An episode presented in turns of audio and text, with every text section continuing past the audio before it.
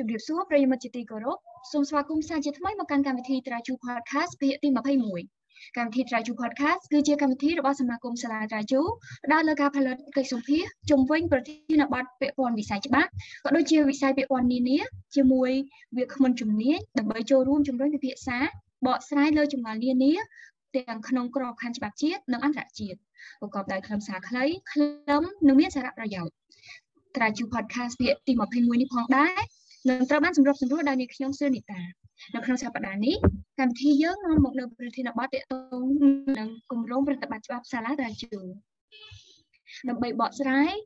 ក៏ដូចជាឆ្លើយនៅសំណួរជុំវិញប្រធានបទនេះយើងបានអញ្ជើញលោកដូលៀនផានីរាជប្រធានលេខាធិការដ្ឋាននៃគម្រោងប្រតិបត្តិច្បាប់សាលាតាជូដើម្បីធ្វើការបកស្រាយជាកិច្ចចាប់ផ្ដើមនាងខ្ញុំ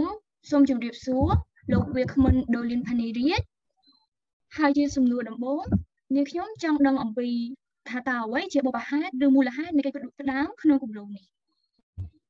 បាទសូមអរគុណនីតាចំពោះការសម្របសម្រួលជាបឋមខ្ញុំបាទសូមគោរពជំរាបសួរនិងទស្សនីទៅដល់ប្រិយមិត្តទាំងអស់គ្នាដែលបានដែលបានកំពុងតាមដានស្ដាប់នៅ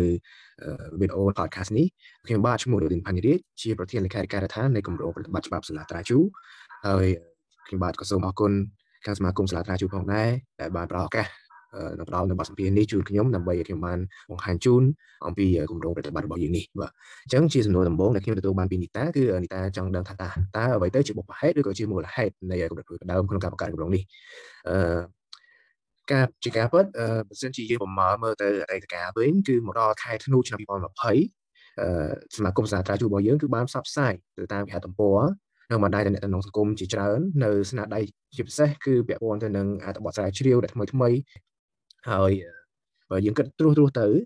បាទគឺយើងមានអត្ថបទស្រាវជ្រាវប្រមាណប្រហែលជា80ដែរ80អត្ថបទចំនួនសមាដីចំនួន29វិចារណកថាចំនួន21និងប្រតិបត្តិបច្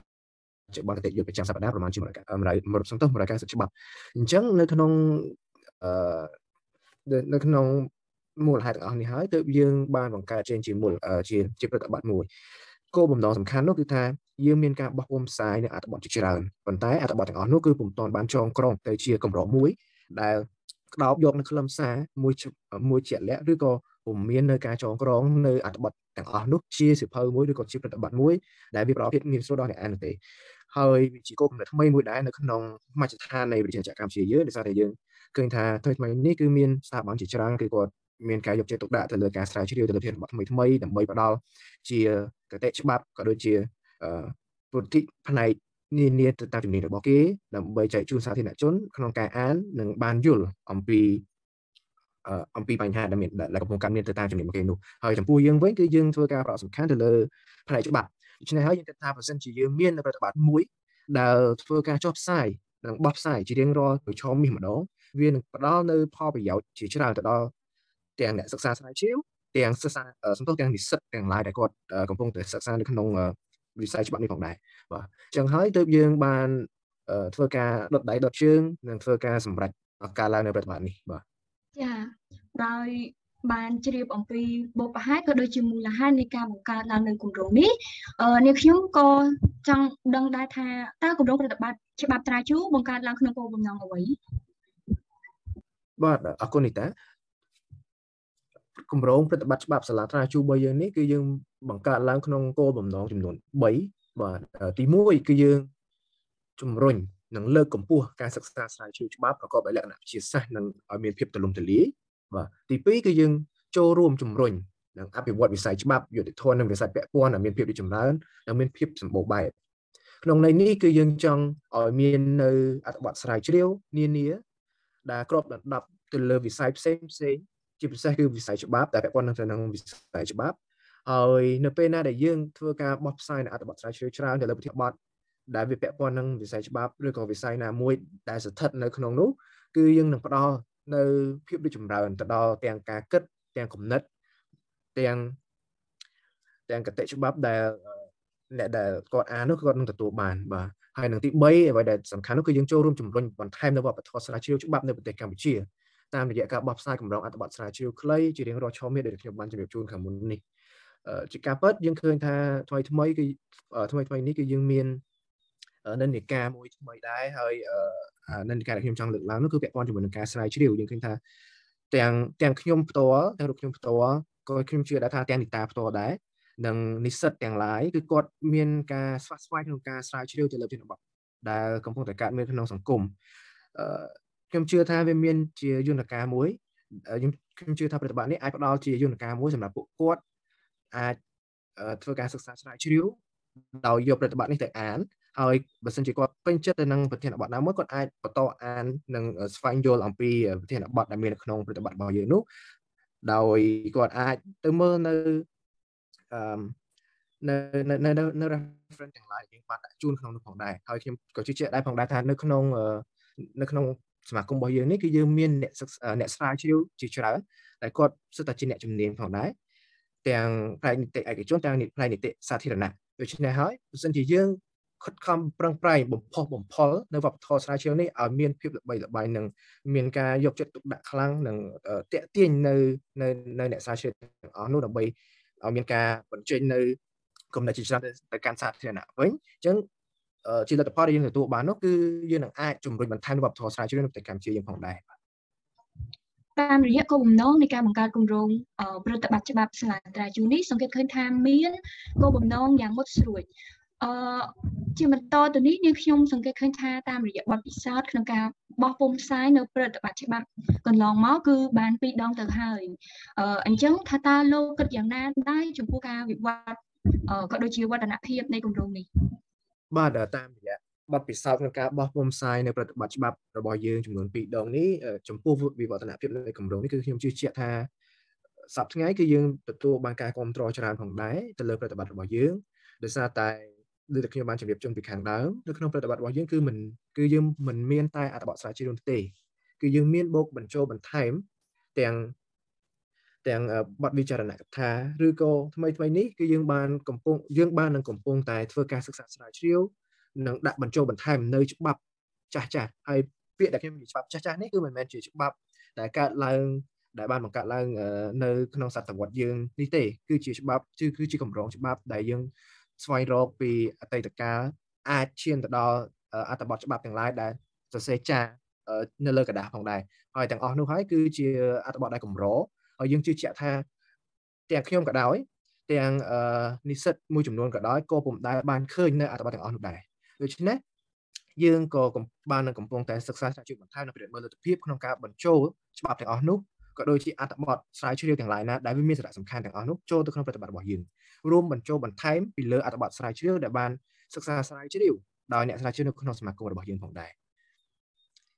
ដូច្នេះចំពោះវិវត្តនភាពនេះខ្ញុំចង់បន្ថែមមួយទៀតដែរទៅលើការគ្រប់គ្រងហើយការគ្រប់គ្រងនេះគឺយើងឃើញថានៅពេលដែលយើងចេញបោះផ្សាយទាំងលេខទី1ទាំងលេខទី2គឺទទួលបានការគ្រប់គ្រងច្រើនពីមជ្ឈដ្ឋានអ្នកស្រាវជ្រាវក៏ដូចជាអ្នកច្បាប់ផងដែរដូចជាទី1គឺយើងបានចេញពាក់ព័ន្ធទៅនឹងវ៉ាក់សាំង COVID-19 គឺឃើញថាមានមានការគ្រប់គ្រងច្រើនពីព្រោះពេលដែលយើងចេញនោះគឺវាពាក់ព័ន្ធនឹងវាស្ថិតនៅក្នុងបញ្ហា COVID ដែរ ហើយមានប្រជាជនជាច្រើនក៏ដូចជាអ្នកស្រាវជ្រាវគាត់ចង់សិក្សាឲ្យបានច្បាស់ថាតើវ៉ាក់សាំង COVID ហ្នឹងវាមានអឺវាវាមានបញ្ហាអ្វីឬក៏យន្តការនៃការបែងចែកវ៉ាក់សាំងដែលយើងបានសរសេរនៅក្នុងអត្ថបទនោះវាមានយ៉ាងណាយ៉ាងណីនោះគឺគាត់មានមានការចង់យល់ដឹងច្រើនដូច្នេះហើយគាត់ក៏បានធ្វើការជាវនៅនៅប្រតិបត្តិរបស់យើងក្នុងដើម្បីទទួលបាននៅ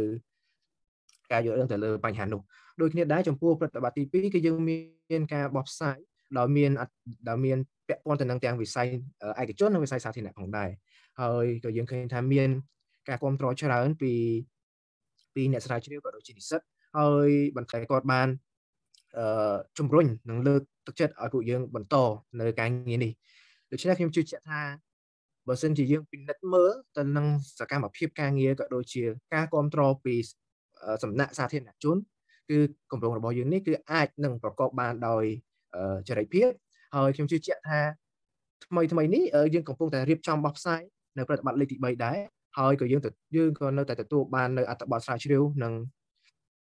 អត្ថបទនានាពីខាងអ្នកស្រាវជ្រាវយើងជាបន្តបន្ទាប់ដែរដូច្នេះយើងយើងនឹងនៅពេលដែលយើងចេញប្រតិបត្តិលេខទី3យើងនៅខែ6ខាងមុខនេះហើយគឺយើងនឹងចាប់ផ្ដើមរៀបចំចំពោះប្រតិបត្តិលេខទី4បន្ថែមទៀត ហើយលេខទី4នោះក៏កំពុងតែដំណើរការផងដែរដូច្នេះវិវត្តនភាពនៃគម្រោងប្រតិបត្តិរបស់យើងនេះគឺគឺមានដំណើរការទៅមុខឈានទៅមុខគួរឲ្យកត់សម្គាល់ផងដែរបាទអរគុណសំណួរជាបន្តទៅទៀតនេះតើសមាគមសាលាត្រាជូបានកំណត់យន្តការឬក៏ការណែនាំរួមក្នុងការបោះពុំផ្សាយនៅប្រតិបត្តិនេះដោយរបៀបណាដែរបាទអរគុណនីតាចំពោះសំណួរនេះខ្ញុំគិតថាវាជាសំណួរដ៏សំខាន់ផងដែរដោយសារតែ ក្នុងការបោះផ្សាយនៅប្រតិបត្តិនេះយើងទទួលបានអត្ថបទជាច្រើនដោយតែខ្ញុំបានជម្រាបជូនបាទអញ្ចឹងយើងត្រូវតែមាននៅគោលការណ៍ណែនាំរួមមួយដើម្បីធានាបាននូវសង្គតភាពនៅក្នុងប្រតិបត្តិរបស់យើងអញ្ចឹងខ្ញុំសូមរៀបជាប់រៀបរាប់ជូនត្រួសត្រាសដោយសារតែវាជាបញ្ហាបច្ចេកទេសដែរដូច្នេះបើសិនជាខ្ញុំធ្វើការ stress ខ្លាំងទៅលើបញ្ហានោះវាអាចចំណាយពេលយូរប៉ុន្តែបើសិនជាក្នុងករណីអ្នកនិពន្ធគាត់មានបំណងក្នុងការ ចែករំលែកនៅអត្ថបទរបស់គាត់នោះយើងអាចជជែកភាសាគ្នាបន្តទៀតបាទអញ្ចឹងចំពោះប្រតិបត្តិយើងនេះគឺយើងបោះផ្សាយទាំងជាឯកសារទុនជាទម្រង់ឯកសារទុនមានន័យថា soft copy ឬក៏ hard copy ជាជាទម្រង់ឯកសាររឹង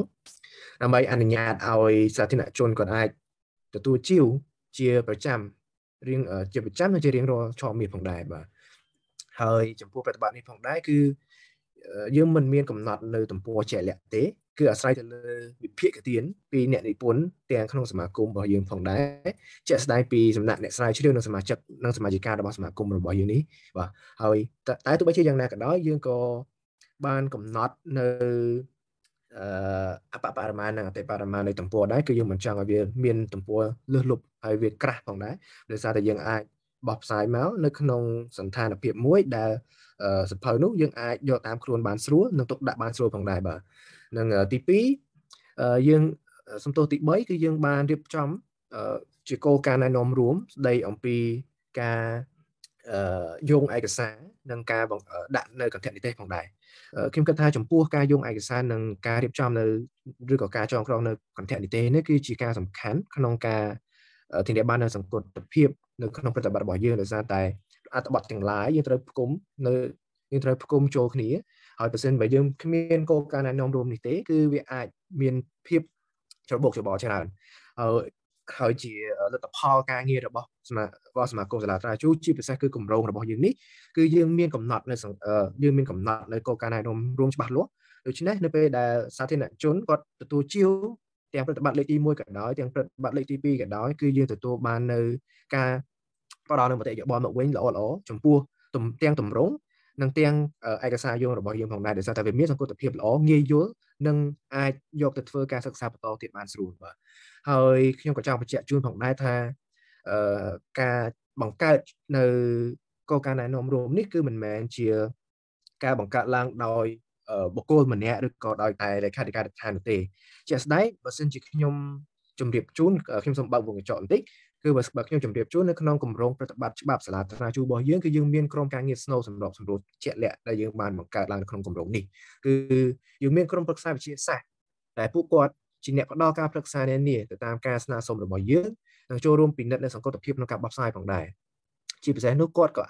ចូលរួមក្នុងការពិនិត្យមើលគុណភាពផងដែរបាទនិងទី2ឋានៈក្រមទី2គឺយើងមាននៅគណៈកម្មការនយោបាយ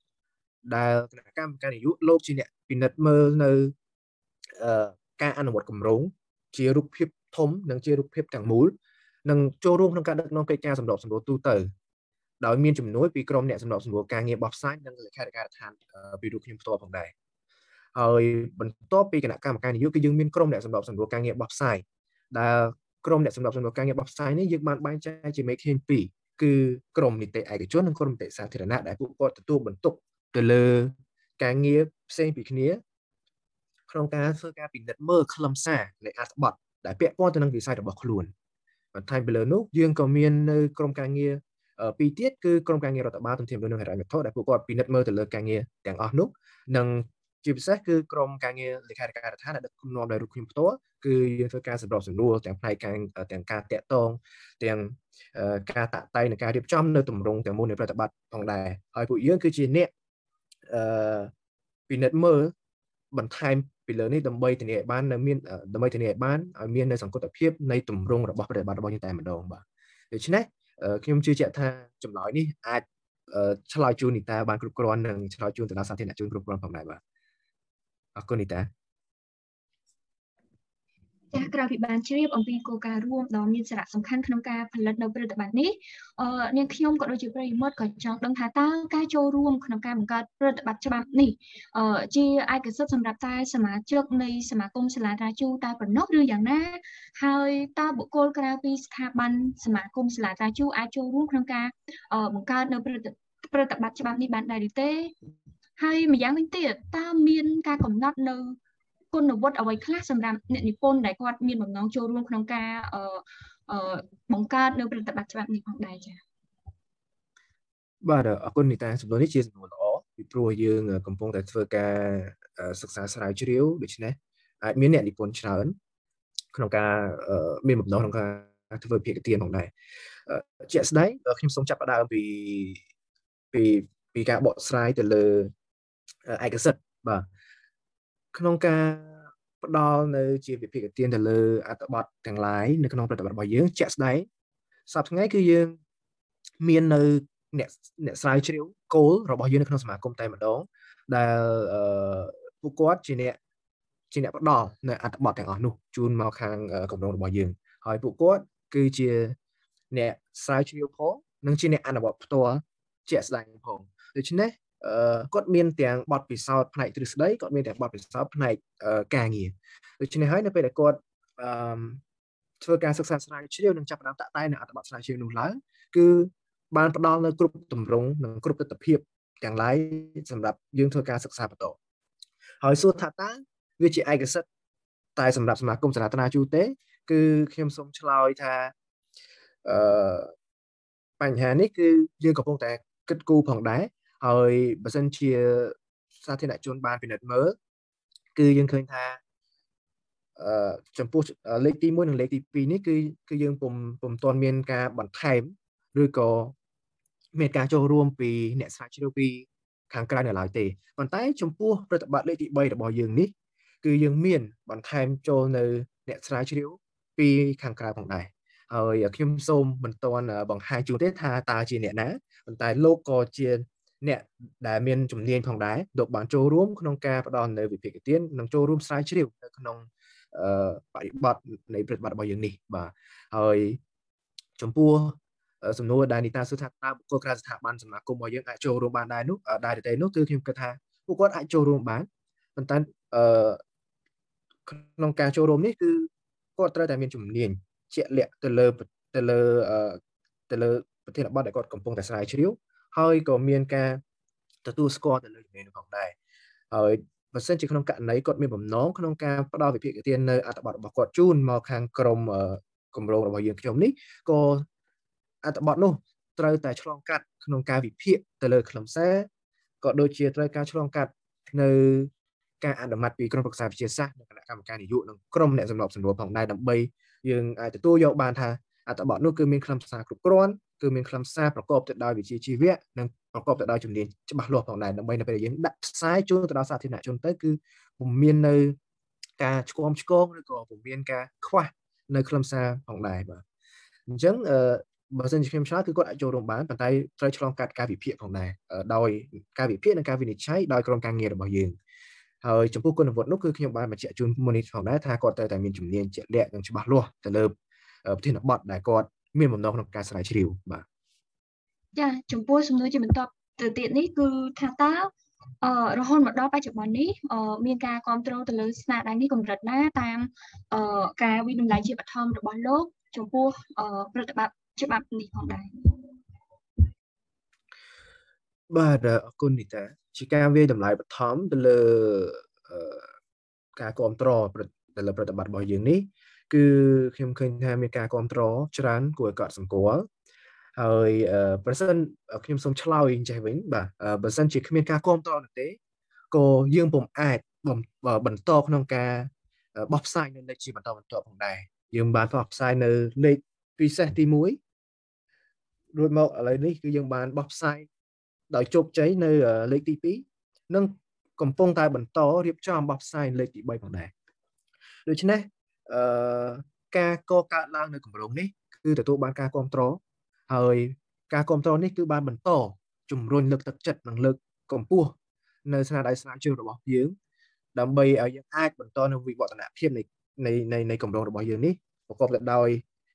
ចរិតភាពផងដែរហើយខ្ញុំជឿជាក់ថាការសិក្សាស្រាវជ្រាវគឺនឹងមិនមានមិនមានទីបញ្ចប់ឡើយ ជារៀងរាល់ថ្ងៃគឺគឺវិត័យតែមានការកកើតឡើងនៅគោលកំណត់ថ្មីថ្មីនៅទ្រឹស្ដីថ្មីថ្មីនៅទស្សនវិជ្ជាច្បាប់ថ្មីថ្មីផងដែរហើយជាអ្នកសិក្សាស្រាវជ្រាវនៅក្នុងវិស័យច្បាប់គឺយើងដឹងហើយថាច្បាប់មានការវិវត្តច្បាប់គឺមានជីវិតដូច្នេះការសិក្សាស្រាវជ្រាវក៏ក៏គ្មានទីបញ្ចប់ផងដែរហើយតាមរយៈការសិក្សាស្រាវជ្រាវជាបន្តបន្តនេះហើយគឺបន្តញ៉ាំងបាទបន្តញ៉ាំងឲ្យមានការបោះផ្សាយនៅអត្ថបទជាបន្តបន្ទាប់ដែលយើងអាច ធានាបាននៅស្ថិរភាពនៃកម្រិតរបស់យើងនេះហើយជាជាជាការលើកឡើងបន្ថែមទៀតផងដែរគឺសាស្នាដៃស្រាវជ្រាវរបស់យើងគឺយើងមិនមានអឺតែអឺបោះផ្សាយទៅតាមអឺប្រព័ន្ធអនឡាញឬក៏ទៅតាមរយៈឯកសារទេអត្ថបទស្រាវជ្រាវរបស់យើងគឺ មានតម្កល់ទុកទៅតាមបណ្ណាល័យជាតិធំធំទៅតាមបណ្ណាល័យនៃសាកលវិទ្យាល័យផងដែរដូច្នេះនិស្សិតក៏ដូចជាអ្នកស្រាវជ្រាវនៅពេលដែលគាត់បានធ្វើការសិក្សាស្រាវជ្រាវនិងយកនៅ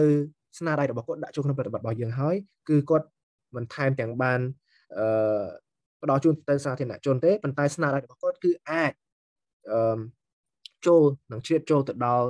ដៃគ្រប់គ្រប់គ្នាផងដែរជាពិសេសតាមបណ្ណាល័យនិងទៅតាមសាកលវិទ្យាល័យផងដែរអញ្ចឹងនៅពេលដែលយើងបន្តជំរុញឲ្យមានការលើកកម្ពស់ទៅលើស្នាដៃទាំងអស់នេះហើយគឺនឹងបន្តឲ្យមានការស្រាវជ្រាវជាបន្តបន្តពីអ្នកអ្នកនិពន្ធឬក៏អ្នកស្រាវជ្រាវរបស់យើងផងដែរបាទខ្ញុំខ្ញុំឆ្លើយសំណួរតាទេចាចាសូមអរគុណលោកដូលីនផានីរីដែលបានចំណាយពេលវេលាចូលរួមជាវាគ្មិនក្នុងកម្ម វិធីត្រាជូ podcast សម្រាប់ប្រធានបទស្ដីអំពីគម្រោងប្រតិបត្តិច្បាប់សាលាគមសមាគមសាលាត្រាជូទីបញ្ចប់នេះសូមគោរពអរគុណប្រិយមិត្តចាស់ថ្មីដែលបាននឹងបន្តគ្រប់គ្រងកម្មវិធីត្រាជូ podcast ដោយសារពេលវេលាមានកំណត់ក្រុមការងារនៅវាគ្មិនកិត្តិយសសូមគោរពលានិងសន្យាវិលមកវិញជាមួយប្រធានបទសំខាន់ៗដទៃទៀតនាសប្តាហ៍ក្រោយសូមអរគុណ thank you